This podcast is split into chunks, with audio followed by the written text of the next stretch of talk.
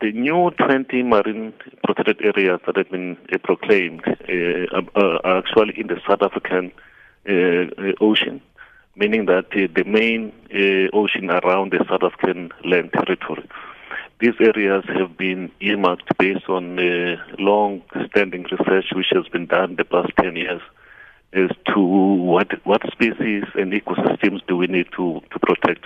As an example, the one uh, uh, the one around Robben Island is basically responding to the issue of the endangered seabirds which are living uh, and breeding around the island. The African penguin, as we know, is an indigenous species that is threatened, and uh, this is really enhancing the protection of that species in that particular marine protected area. So we would also have those which are supporting commercial fisheries, for instance, the Namakwa marine protected area. We know that area is actually uh, well known for the necessary for the important hake species in South Africa. So there is quite a lot of different objectives, but the network does support each other. Poposi sê hierdie bewaringsgebiede sluit nou ook sensitiewe ekosisteme soos modder op die oseaanvloer en koraalriwe in. I think for for our ecosystem it actually means that uh, we, we are now protecting Uh, the most uh, vulnerable ecosystems uh, in our waters.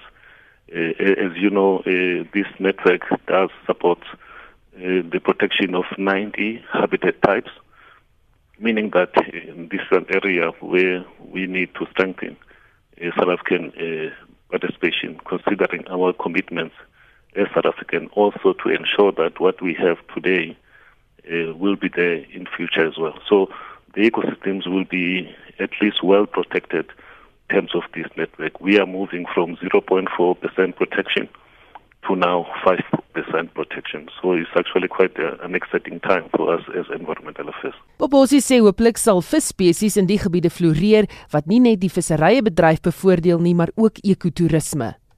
I think uh, for ecotourism it's actually supports our own drive as environmental affairs that we started a few years ago when we said we need to move away from the extraction only industries to ecotourism. If you recall, for instance, around some areas of our ocean and coastline, we have species which we we use for ecotourism, like whale watching and shark cage diving.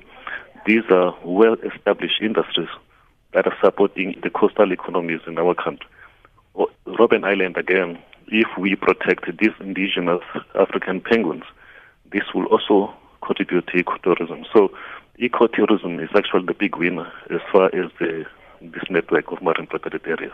Paposi het op navraag oor ongehinderde stroopry van perlemoen en kreef in die Wes-Kaap gesê, hierdie aanwys van nog meer bewaringsgebiede in die oseaan gaan hulle help om die misdaad te bekamp.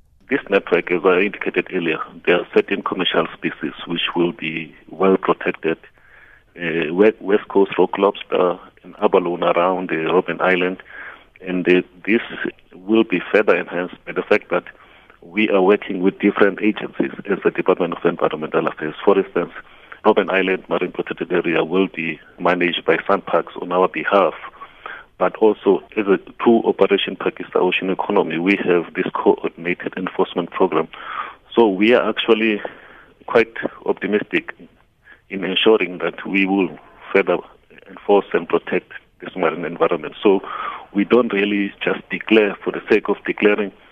There is an implementation plan has been developed within the department, and we will make sure that these areas are, are protected as in line with the regulations which were declared by the Minister of Environmental Affairs.